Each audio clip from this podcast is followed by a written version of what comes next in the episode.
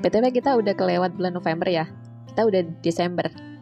Tapi nggak ada masalah kan kalau kita ngebahas cuap-cuap tentang tema pahlawan. Kan tinggal kita gimana ngemanainnya arti dari pahlawan itu sendiri, ya kan? Nah, buat sahabat sendiri, apa sih maknain arti pahlawan? Apa sosok yang berjuang ngelawan penjajah dengan jiwa nasionalisme yang tinggi, terus tanpa mikirin nasib negeri yang lain?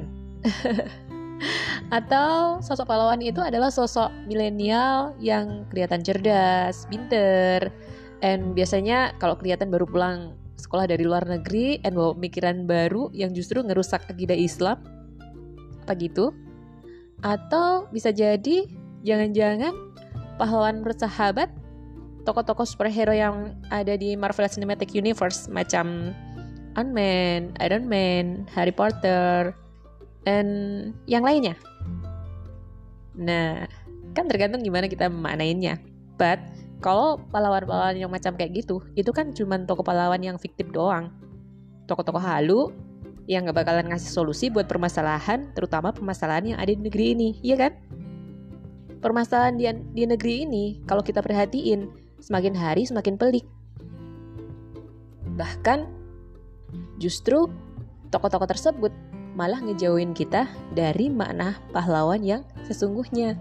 Kalau dalam Islam sendiri sahabat, pahlawan itu uh, dia adalah orang yang selalu mencurahkan tenaganya, jiwanya, raganya buat menumpas kemungkaran dan buat negakin kalimatullah di muka bumi.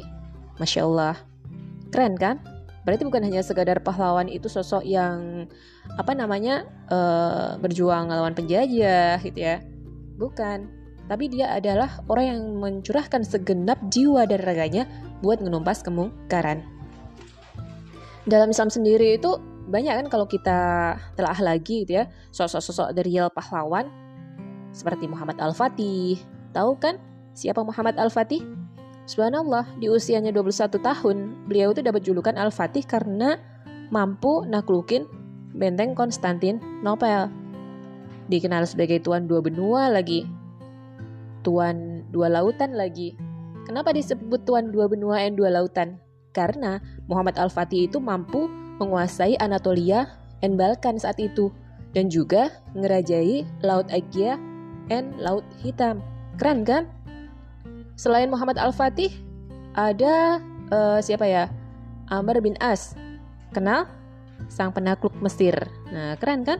Jadi uh, nggak hanya pahlawan-pahlawan nasional yang mesti kita apalin, kita juga mesti ngerti siapa pahlawan-pahlawan pahlawan-pahlawan Islam yang juga super keren gitu ya, pengorbanannya, perjuangannya gitu ya. Nggak hanya sekedar taraf atau tingkatan nasional aja gitu ya, tetapi sudah tataran dunia demi tegaknya Islam. Ada juga Salahuddin Al-Ayyubi. Saya yakin sahabat juga sudah kenal siapa Salahuddin Al-Ayyubi gitu ya, sang pembebas Al-Quds. Dan tentunya masih banyak lagi gitu ya, the real hero in Islamic gitu ya.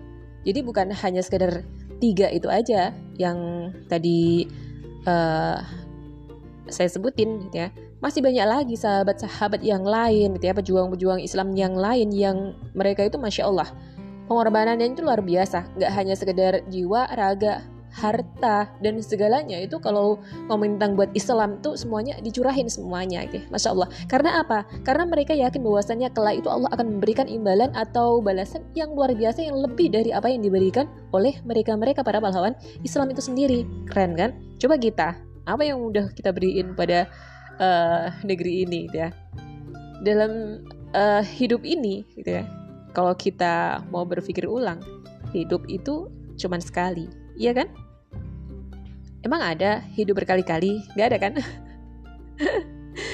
So sahabat jangan hanya berpangku tangan nungguin perubahan but jadilah bagian dari perubahan. Pembela kebenaran yaitu Islam dan ngelawan kejahatan yaitu kemungkaran dan ketoliman mesti semangat.